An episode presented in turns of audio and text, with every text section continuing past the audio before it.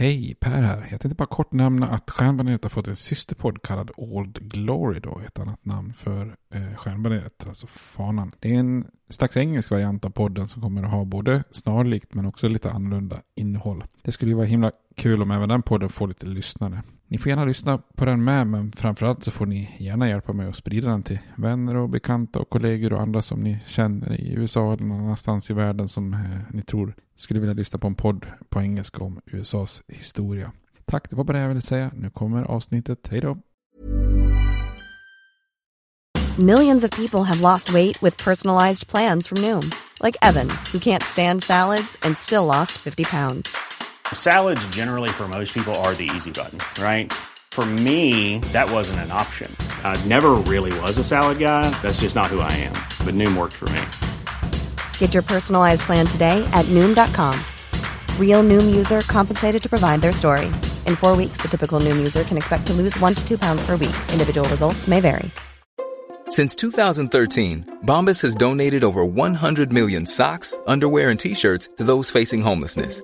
If we counted those on air, this ad would last over 1,157 days. But if we counted the time it takes to make a donation possible, it would take just a few clicks. Because every time you make a purchase, Bombas donates an item to someone who needs it. Go to bombas.com slash ACAST and use code ACAST for 20% off your first purchase. That's bombas.com slash ACAST, code ACAST. Ryan Reynolds here from Mint Mobile. With the price of just about everything going up during inflation, we thought we'd bring our prices down. So to help us, we brought in a reverse auctioneer, which is apparently a thing. Mint Mobile unlimited premium wireless. Have to get 30, 30, bit to get 30, bit to get 20, 20, 20, bit to get 20, 20, bit to get 15, 15, 15, 15 just 15 bucks a month. So, Give it a try at mintmobile.com slash switch. $45 upfront for three months plus taxes and fees. Promo rate for new customers for limited time. Unlimited more than 40 gigabytes per month. Slows. Full terms at mintmobile.com.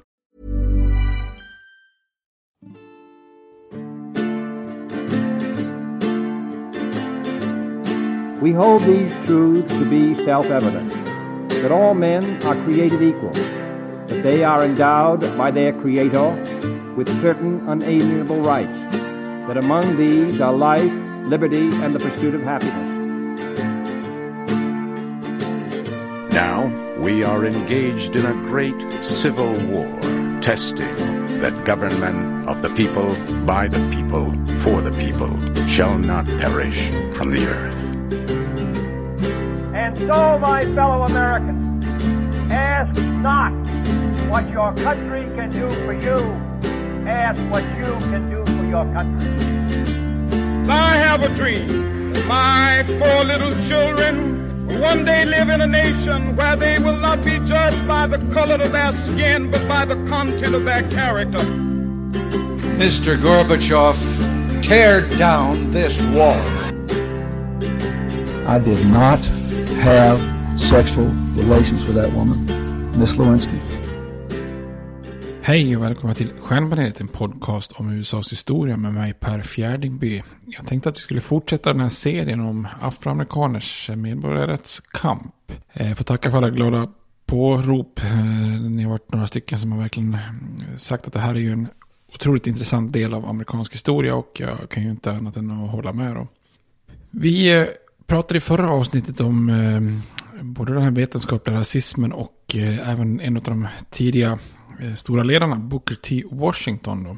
Och som vi såg då när eh, Freddie Douglass dog 1895 så är det liksom en helt ny generation av afroamerikanska ledare som tar över kampen. Eh, och det här är ju en generation av ledare som till skillnad från Douglass då inte var veteraner från den här abolitionistkampen då innan, innan inbördeskriget. Eh, och de hade ju aldrig varit slavar eller så. Ehm, eller som Booker T. Washington då hade befriats redan när de var barn då. Och de här afroamerikanska ledarna som tog över ansvaret för kampen på 1890-talet och i början av 1900-talet hade ju en ganska enorm uppgift framför sig då. Eh, tankarna från de här radikala republikanerna efter rekonstruktionsserien hade ju mer eller mindre gått i graven och nästan allt i det amerikanska samhället hindrade eller försvårade eventuella framsteg då, särskilt i södern då. Eh, en tydlig utveckling i början av 1900-talet är ju att de afroamerikanska ledarna heller inte är överens om vilken väg som är bäst framåt och vad som är mest effektivt för att förbättra eh, situationen då. Eh, efter Fredrik Douglass så tar ju Booker T. Washington över som den främsta eh, afroamerikanska ledaren då, som vi såg i förra avsnittet. Men hans väldigt konservativa, pragmatiska och ekonomiskt fokuserade väg eh, fick ju kritik redan från början då. Och den här kritiken växer sig också allt större då och starkare med tiden. Speciellt när det dyker upp mer radikala eh, svarta ledare i början av 1900-talet. Ett sånt här slag mot Booker T. Washingtons ställning var ju rasupploppet i Atlanta 1906. Som eh, äger rum då eh, 11 år efter hans egna kända tal i, i staden Atlanta. Där, där han slår igenom som ledare. Eh, och många afroamerikaner hade ju flyttat till Georgias, från Georgias landsbygd då till delstatens huvudstad Atlanta då i jakt på, på jobb och ett bättre liv. Och den vita befolkningen i staden ansåg att många av de här nykomlingarna var mer laglösa och omoraliska än de afroamerikaner som bott i stan en, en längre tid. Flera demokratiska tidningar skrev artiklar om påstådda händelser där svarta män brutalt våldfört sig på vita kvinnor och så vidare. De, många av de här artiklarna var ju rent påhittade. Men de eldade upp den vita befolkningen rejält. Och i den där atmosfären så blir Atlanta lite av en krutdurk som, som väntar på att explodera. Och, och när tidningarna rapporterar om ytterligare lite våldtäkter tre dagar i rad och den 20 21-22 september 1906 så blir det start startloppet, eller startskottet för det här eh, upploppet. Då. Några viftar med tidningen och, och frågar om stadens vita män skulle acceptera det här. Och många börjar då skandera No, save our women, kill the niggers. Och under fem dagar så, så går en då 10 000 man stor mobb loss i stadens centrum och attackerar en massa afroamerikaner. Och borgmästaren och polisen gjorde försök att skingra den här massan men det hjälper inte då. Så mängder av afroamerikaner blir misshandlade och torterade och mördade. Eh, man sliter av afroamerikaner från spårvagnar ner på gatan och rätt i mobbens händer. Och eh, alla verksamheter som tillhörde svarta förstördes ju och brändes då så att säga. Vissa afroamerikanska ledare uppmanar till motstånd, men Booker T. Washington däremot, han uppmanar till lugn. Då. han, han åker till Atlanta för att försöka lugna situationen och hindra afroamerikaner från vedergällning. Och han menar att motstånd bara skulle göra det, leda till mer våld och att ännu fler dör. Eh, så han försöker tona ner problematiken och menar att även om det var kaos i Atlanta så är det ju faktiskt fred och ordning på tusentals andra ställen i, i, i södern då. Men han försöker vara med och förhandla fram en lösning här då. Och eh, ja, det här upploppet i Atlanta gör att han får ytterligare kritik då. Eh, och han har ju varit eh, den ledaren som haft störst inflytande. Men hans relation då med, med Roosevelt och, och Atlanta-upproret gjorde då att kritiken blossar ut och hans ledarskap börjar eh, öppet ifrågasättas då.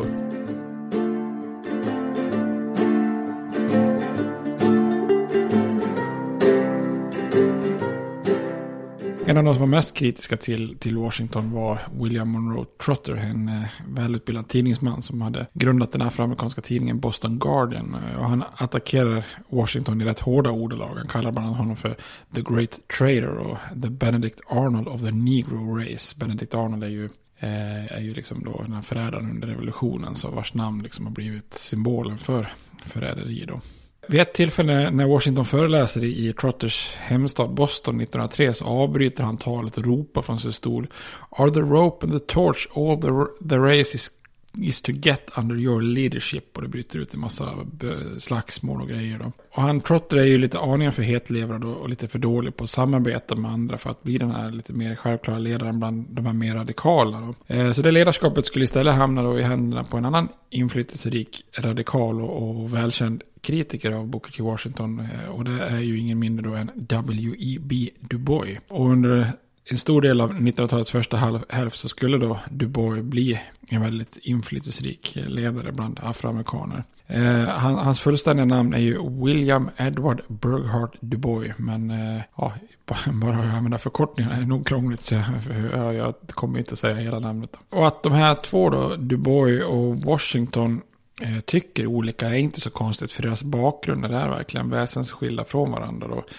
Eh, Booker T. Washingtons liv hade ju präglats av slaveriet och södern och fattigdom då. Eh, medan den 12 år yngre Duboy, han är ju däremot född som en fri afroamerikan och uppväxt i den mestadels vita Massachusetts i en, en liten stad där han inte mötte speciellt stor rasism. Då. Och medan Washington hade fått kämpa för utbildning och skolats i det här praktiska industri, eh, industriarbetaretiken som hade liksom lärts ut över de här Hampton och Tuskegee-skolorna så, så, så blir då Du Bois eh, den stora liksom, intellektuella historikern eh, som blir då också den absolut första afroamerikanen att doktorera vid Harvard. Och Du Bois han föddes i Massachusetts då som sagt 1868 och uppfostrades av sin, sin mamma då eftersom pappan övergav familjen redan när han var två år. Men i det här lokalsamhället samhället så insåg man snabbt att han var intelligent och hade talang. Så man skramlar ihop pengar tillräckligt för att skicka honom på utbildning vid Fisk University i Nashville. Då. Och det här leder ju då till att han eh, går en, en, en eh, intellektuell bana där och doktorerar. Och han doktorerar faktiskt redan när han är 27 år. Och är ju redan då en av de mest kända och välutbildade männen i USA. Och sticker naturligtvis ut då som den mest intellektuella afroamerikanen i, i landet. Då. Och få, få afroamerikanska ledare var ju så,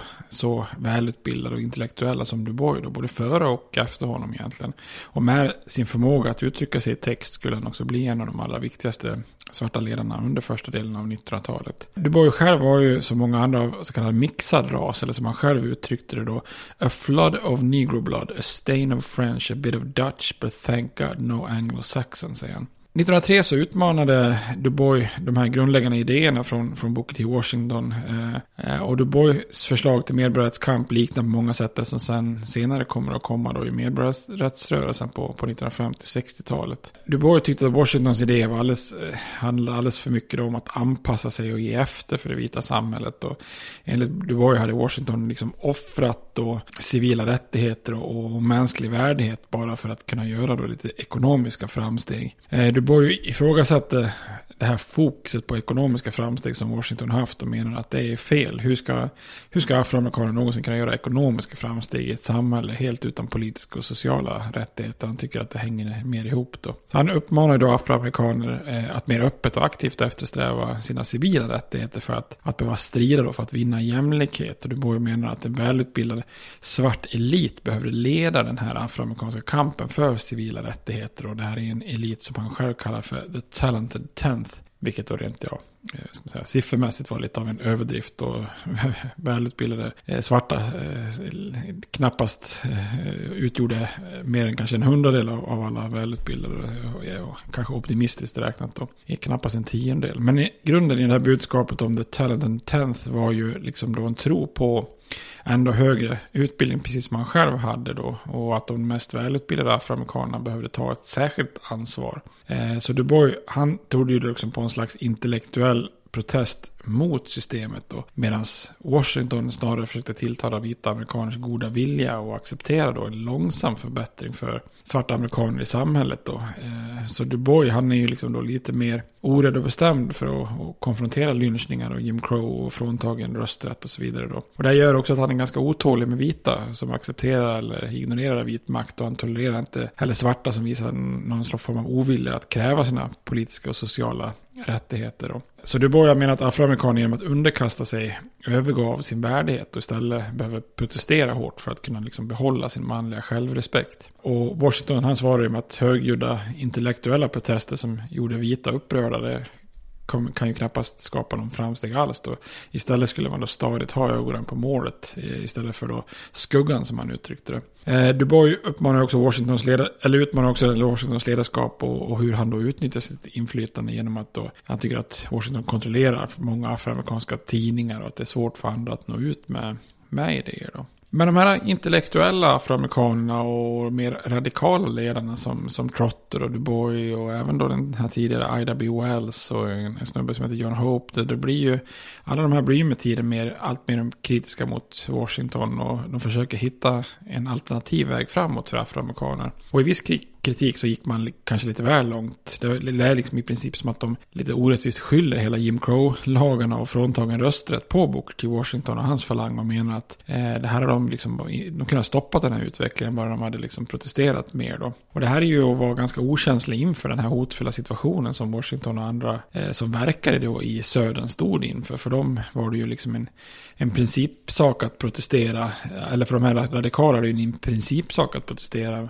Men Washington ser det ju mer praktiskt då. Han är ju i södern. En protest kunde ju leda då till döden. Och han var ju inte så villig att riskera hela den här verksamheten som han har byggt upp då vid det här Tuskegee-institutet då. Eh, så den afroamerikanska intellektuella eliten med Trotter och Du Bois i spetsen, de såg ju heller inte hur värdefullt det var för tusentals svarta då att kunna förbättra sina liv genom den här utbildningen som till exempel Tuskegee-skolan gav dem.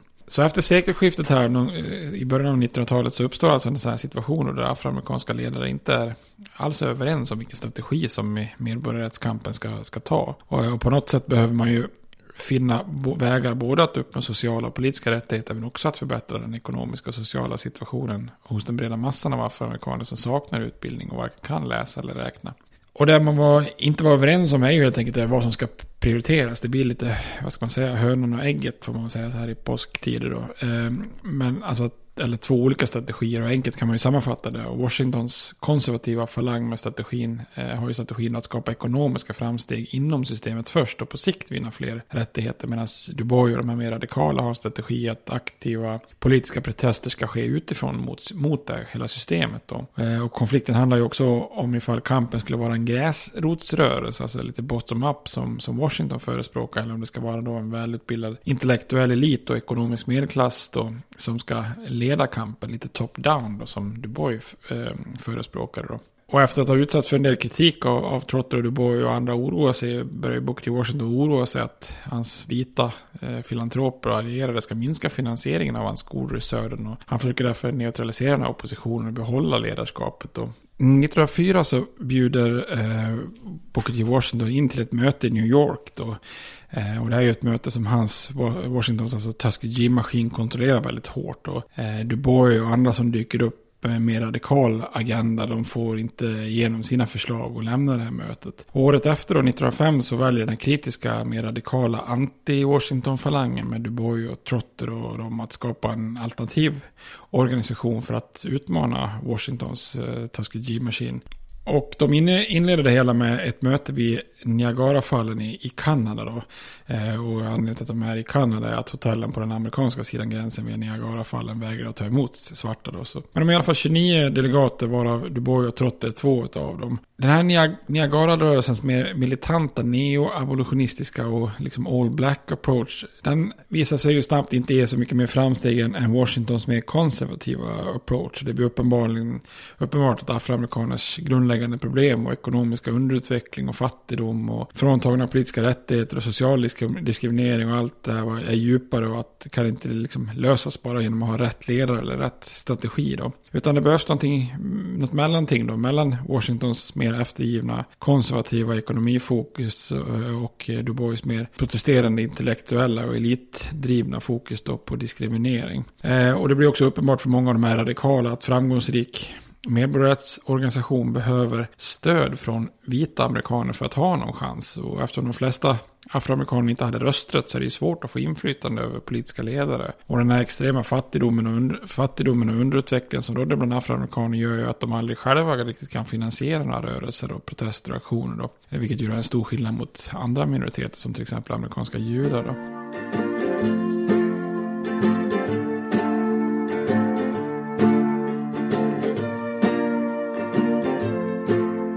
Men i det här Niagara-rörelsens bakvatten så, så höll någonting viktigt på att födas då i form av eh, organisationen NWACP. Då. Eh, det här står ju då för National Association for the Advancement of Colored People. Eh, och den här organisationen skulle bli något nytt då med lite input från den här Niagara-rörelsen. Eh, en annan från just då en grupp av vita reformförespråkare som hade pengar och inflytande. Eh, och första decenniet på 1900-talet så innebär, innebär det att vi är i den här progressiva eran och även vita progressiva har ju tröttnat på, på liksom Booker T. Washingtons mer försiktiga strategi och en av de här är tidningsmannen Oswald Willard, eh, som då faktiskt är barnbarn till den här kända abolitionisten William Lloyd Garrison, han som brände konstitutionen på 1840-50-talet. Eh, och både de här progressiva vita och den här Niagara-rörelsen får ju också lite extra skjuts av, av ett tragiskt rasupplopp som, som inträffade i Springfield i Illinois då 1908. Och under det här upploppet så var det så många som 12 000 vita Springfieldsbor som var ute och, och hejade på mobben.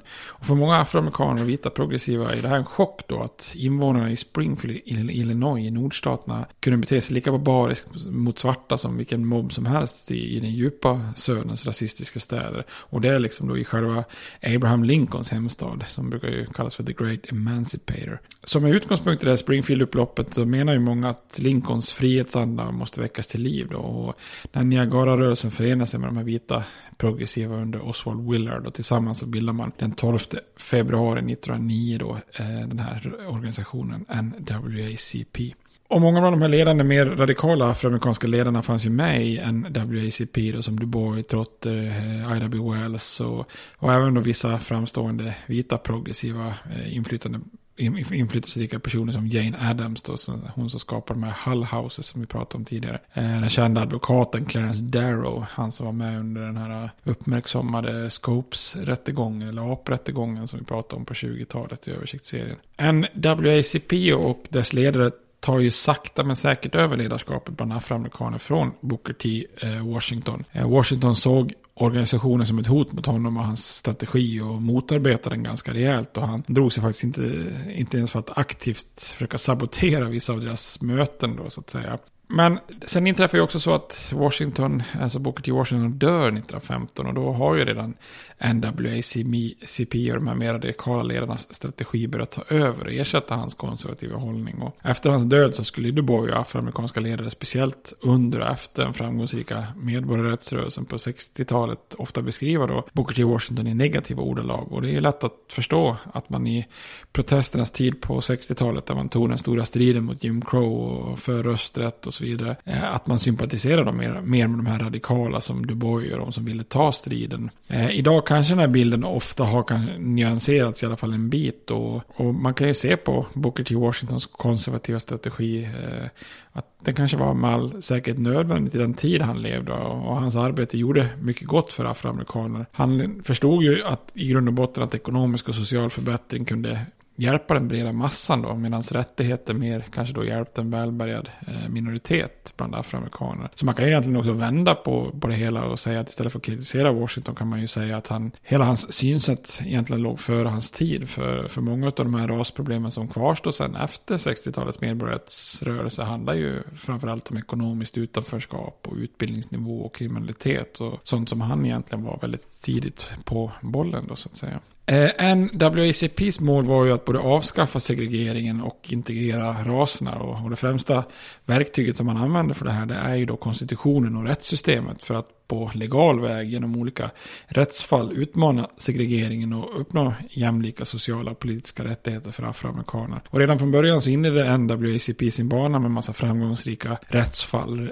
Eh, redan 1915 så vinner man ett fall i högsta domstolen som heter Ginn vs United States som förklarar Oklahoma som sån här så kallade grandfather clause, alltså röstinskränkning på grund av anor tillbaka till slaveriet som är oförenliga med konstitutionen. Och även om rösträtten för svarta kunde inskränkas inskränkas med skatter och läskunnighetstester och sånt där så var det ändå ett fall framåt. Då. 1917 kom också ett viktigt rättsfall i högsta domstolen som ogiltigförklarade en delstatslag i Kentucky som förbjöd svarta och vita att sälja egendomar vidare till någon av den andra rasen då och därmed skapade särskilda svarta och vita bostadszoner. Så också en framgång för, för NWACP. Året efter, 1918, gör man ett eh, försök att sponsra en federal lag i kongressen som skulle göra lynchning till federal, eh, federalt brott. Då. Eh, det här går inte igenom ändå, då, men de, man, man, har ändå lagt grunden för en massa juridiska framgångar då, genom att eh, ägna sig åt politisk lobbying och, och, lägga grunden för det som, komma sen då, med, som, som ska komma sen med WACP. Eh, så i början av 1920-talet så hade den här organisationen ett betydande gräsrotsstöd med runt 100 000 medlemmar och 274 lokala kontor. Då. Trots det så upplevdes ju NWACP som en lite elitistisk organisation som främst leddes av vita. Då. Det är först på kanske på 40-talet som man får lite större genomslag bland afroamerikaner på, på bred front.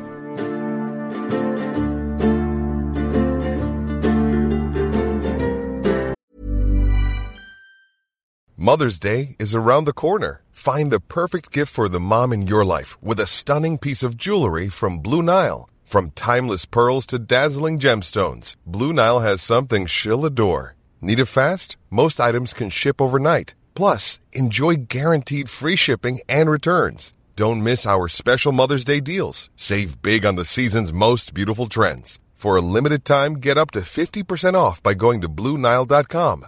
That's Bluenile.com. Everyone knows therapy is great for solving problems, but getting therapy has its own problems too, like finding the right therapist fitting into their schedule, and of course, the cost. Well, BetterHelp can solve those problems. It's totally online and built around your schedule. It's surprisingly affordable too. Connect with a credentialed therapist by phone, video, or online chat, all from the comfort of your home. Visit betterhelp.com to learn more and save 10% on your first month. That's BetterHelp H E L P.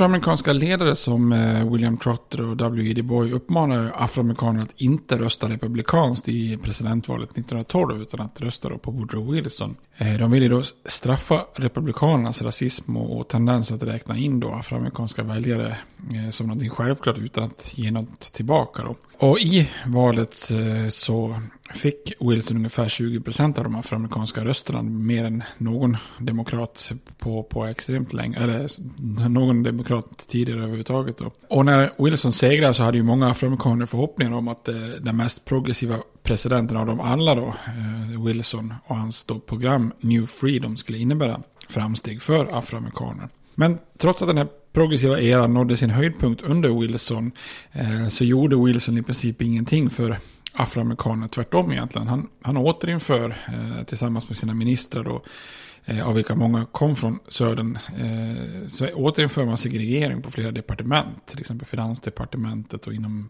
det federala postsystemet där anställda helt enkelt delas upp i svarta och vita med särskilda då Jim Crow corners och separata omklädnings och lunchrum för colored only och så vidare. Och det kan ju låta lite underligt, men Wilson var ju faktiskt, ska man komma ihåg, en sydstatsbo från Virginia som var fostrad i segregeringen. Eh, så att hur progressiv han egentligen var i övrigt så, så hade han en stark rasism. Eh, och han motiverade till och med segregering med att det var det bästa för, för svarta med. Då. För, för i separata omklädningsrum så kunde de till exempel inte råka illa ut som, som i mixade. Då.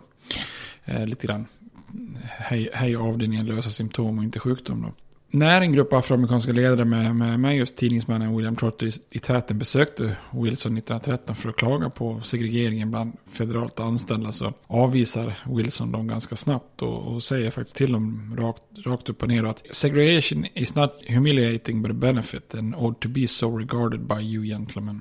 Och Wilson försvarar ju segregeringen med att det är ett bra sätt att undvika konflikter. Och när William Trotter inte alls höll med honom så blev Wilson Eh, enligt de som var med enormt irriterat och efter mötet, eller irriterad och efter mötet så lät också presidenten meddela att han skulle vägra träffa den här gruppen igen så länge Trotter var deras talesman då. Så den här progressiva eran under presidenter som Roosevelt, Taft och Wilson som, som förändrar USA på många sätt och gör samhället lite mer humant och demokratiskt och effektivt och hälsosamt är alltså på många sätt en era som, som gynnar det vita protestantiska USA då. Men för afroamerikanerna är det ju fortfarande en väldigt eh, hård tillvaro.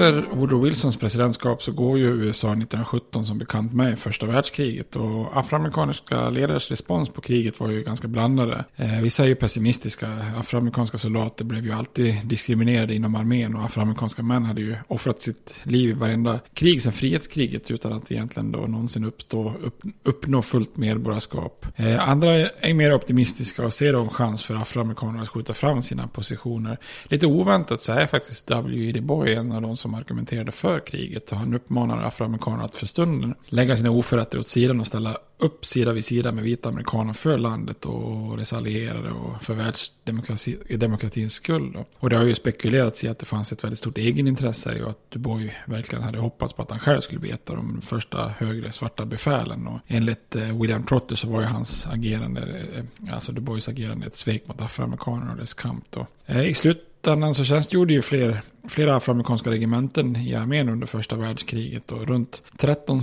procent av de amerikanska soldaterna, de så kallade doughboys, var ju faktiskt afroamerikaner. Men inom armén är ju segregeringen väldigt stor och afroamerikaner förbjöds att tjänstgöra inom vissa specialförband som det lite mer prestigefyllda marinkåren och så vidare. Då. Och traditionellt så hade ju alltid afroamerikanska enheter i amerikanska krig haft vita officerare och initialt under första världskriget så, så vägrade man att träna att utbilda svarta befäl. Men efter ganska stora protester och påtryckningar från NWACP då, så tillät armén att det startades liksom reservofficersutbildningar vid flera afroamerikanska colleges och en svart officersskola vid Fort Des Moines i Iowa 1917. Så innan kriget var över så hade över 600 afroamerikanska officerare faktiskt lett trupper i krig då. Under kriget så bidrog afroamerikanska enheter minst lika bra som vita enheter i strid. Och när kriget var över så hade 750 svarta soldater stupat och runt eh, 5000 skadats. Trots deras insatser så får de ju inte vara med då i segerfirandet efteråt dessvärre. Då. Och tragiskt nog då så välkomnades ju knappast afroamerikaner som hjältar när de återvände hem från skyttegravarna i Europa. Eh, och kriget, första världskriget och dess efterspel på hemmaplan skulle ju bli några väldigt mörka år då. Vi pratar om det här i översiktsserien. Det är ju allmänt en period som präglas av nervositet, osäkerhet och våld. Och det är strejker på rekordnivå, det är spanska sjukan, eh, det är kommunistskräck. Och mitt i det här så sveper ju också de förnyad våg av våld mot, eh, mot afroamerikaner. Afroamerikanska soldater hade ju upplevt ett samhälle i Europa som inte alls var lika segregerat och rasistiskt som USA. Då. Och när de återvände till södern efter kriget så tog de ju för sig lite mer. Eh, Afroamerikaner hoppas ju att deras insatser i kriget skulle föra dem närmare sina medborgerliga rättigheter och jämlikhet. Och när man återvänder efter att ha offrat sitt liv för landet så förväntar man sig helt enkelt att bli behandlade med lite bättre respekt. Då. Och när det inte skedde blev ju många mer militanta ledare besvikna. Eh, Du Bois då, som hade ställt sig bakom kriget till en början var en av de som var mest besvikna besvikna. Eh, han ångrade ju sig, angående sitt tidigare stöd för kriget och menade att det var ett stort misstag. Eh, istället började han prata om eh, the new negro som han menar var stolt och beredd att kämpa då. Och budskapet till afroamerikanska soldater var helt enkelt We return, we return from fighting, we return fighting, make way for democracy. Så att här tänker man sig att man ska kunna ta en strid om, men istället för att välkomnas tillbaka som hjältar välkomnades afroamerikaner tillbaka med våld. Och trots att man då alltså är mitt i höjdpunkten av den här progressiva eran eh, och att första världskriget uppfattades som en internationell kamp för att försvara just demokrati så klängde då vita amerikaner fast vid den här sociala darwinismen och, och vit makt. Och, och, i södern så agerar man ju stenhårt. Alltså alla kaxiga afroamerikaner var helt enkelt inte på tal om att man skulle kunna ta, få ta för sig. Det är inte acceptabelt. Då. Så över tio före detta soldater lynchas till och med i sina uniformer fortfarande. Alltså 1919, kort efter att de har återkommit. Då. Så hemmaplan i USA är ju ironiskt nog nästan farligare än skyttegravarna i eh, Västeuropa.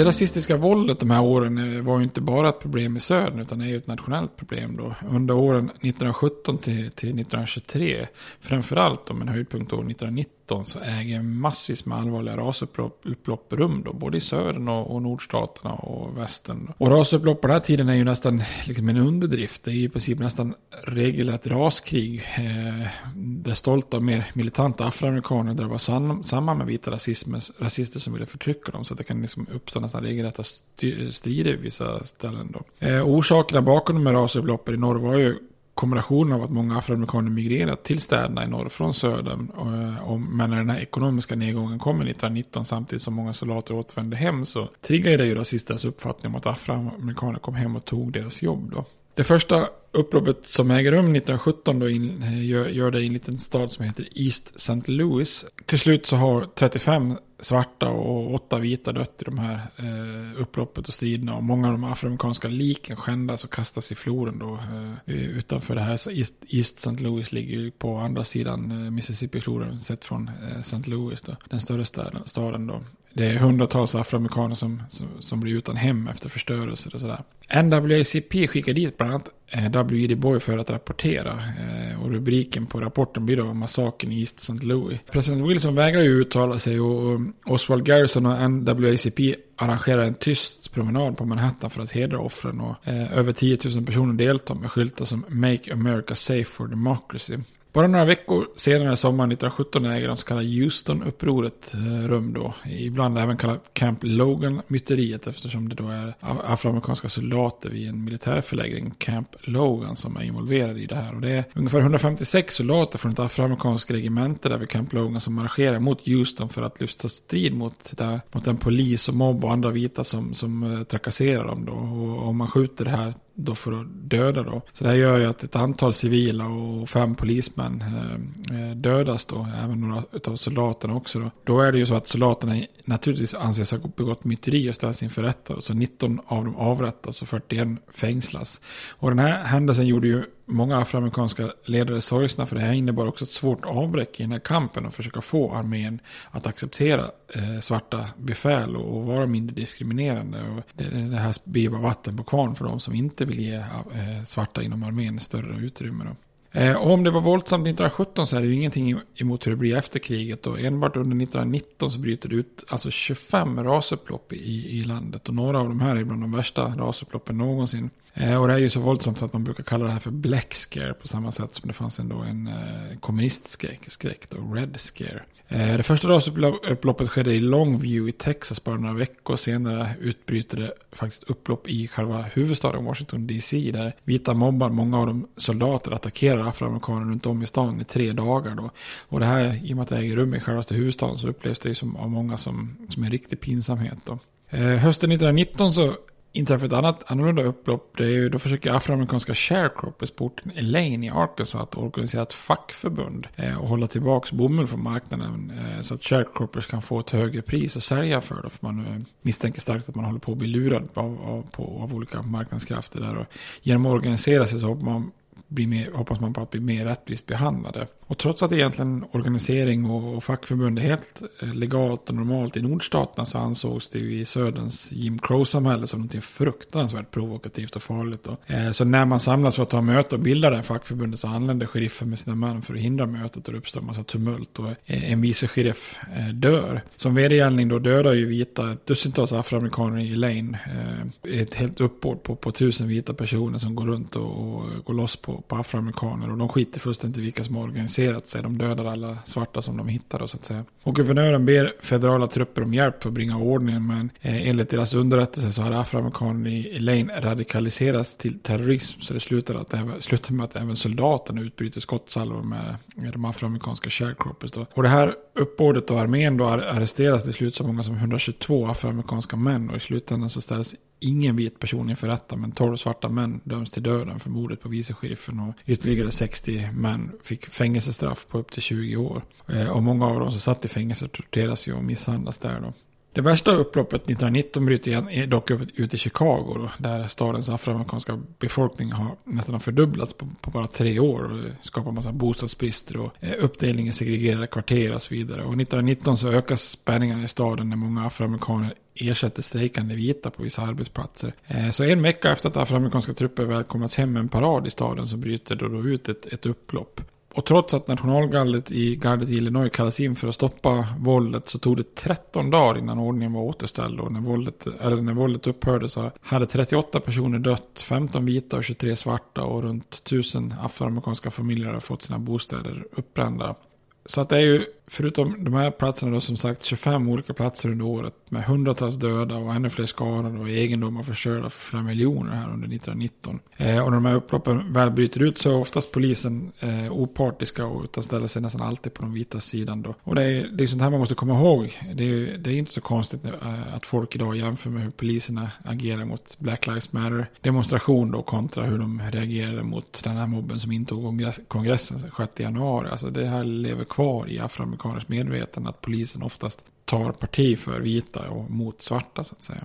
Två år senare, 1921, så var det ju dags igen i staden Tulsa i Oklahoma. Och de här raskravallerna i Tulsa är ju enormt omfattande. Kanske de dödligaste i landets historia, även om det är lite, lite oklart. Det här förtjänar väl i princip ett eget avsnitt att, att prata om. Då. Jag har ju pratat om det tidigare upp, i översiktsserien lite kortfattat. Men uppskattningsvis är det ju 10 000 svarta som blir hemlösa och egendomar värt över 2 miljoner som förstörs då. Eh, och den officiella dödssiffran är ju 39, men det finns ju andra källor som uppger att över 300 dödas. Eh, mer än tusen byggnader förstörs, hem, skolor, kyrkor, affärer och så vidare. Och efter det här rasupploppet så lämnar ju många afroamerikaner Tulsa och de som bodde kvar, både svarta och vita, försöker liksom att inte nämna upploppen efteråt. Och den här händelsen har ju också uteblivit från många amerikanska historieböcker och först pratats om nu på senare år egentligen.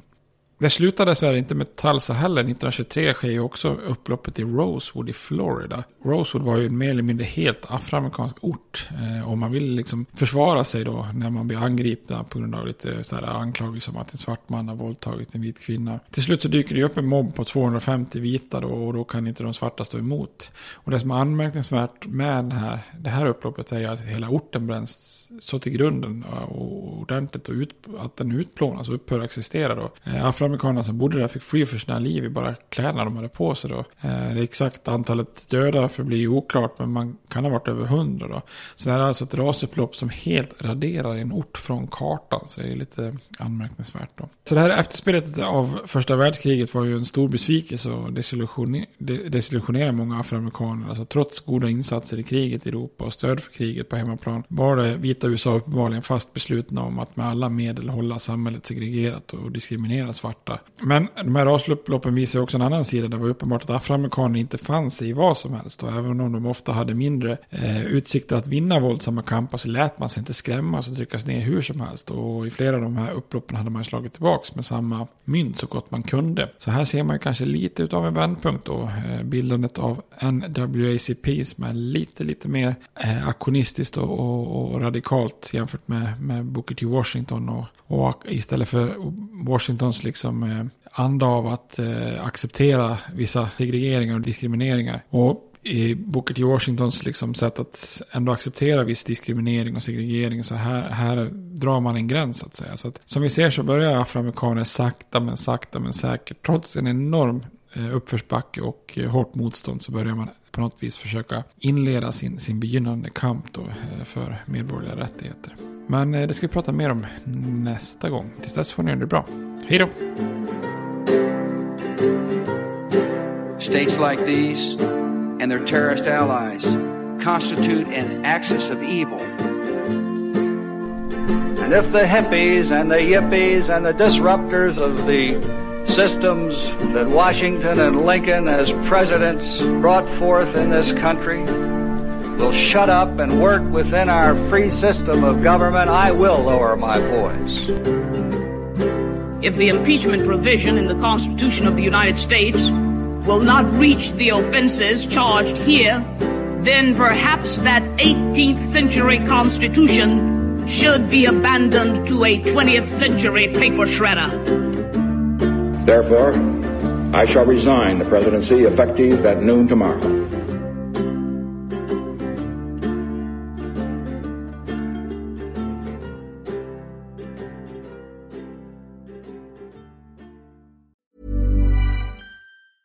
Hi, I'm Daniel, founder of Pretty Litter. Did you know cats tend to hide symptoms of sickness and pain? I learned this the hard way after losing my cat, Gingy. So I created Pretty Litter, a health monitoring litter that helps detect early signs of illness by changing colors, saving you money and potentially your cat's life. Pretty Litter is veterinarian developed, and it's the easiest way to keep tabs on your fur baby's health right at home. Go to prettylitter.com and use code ACAST for 20% off your first order and a free cat toy. Terms and conditions apply. See site for details. Even when we're on a budget, we still deserve nice things.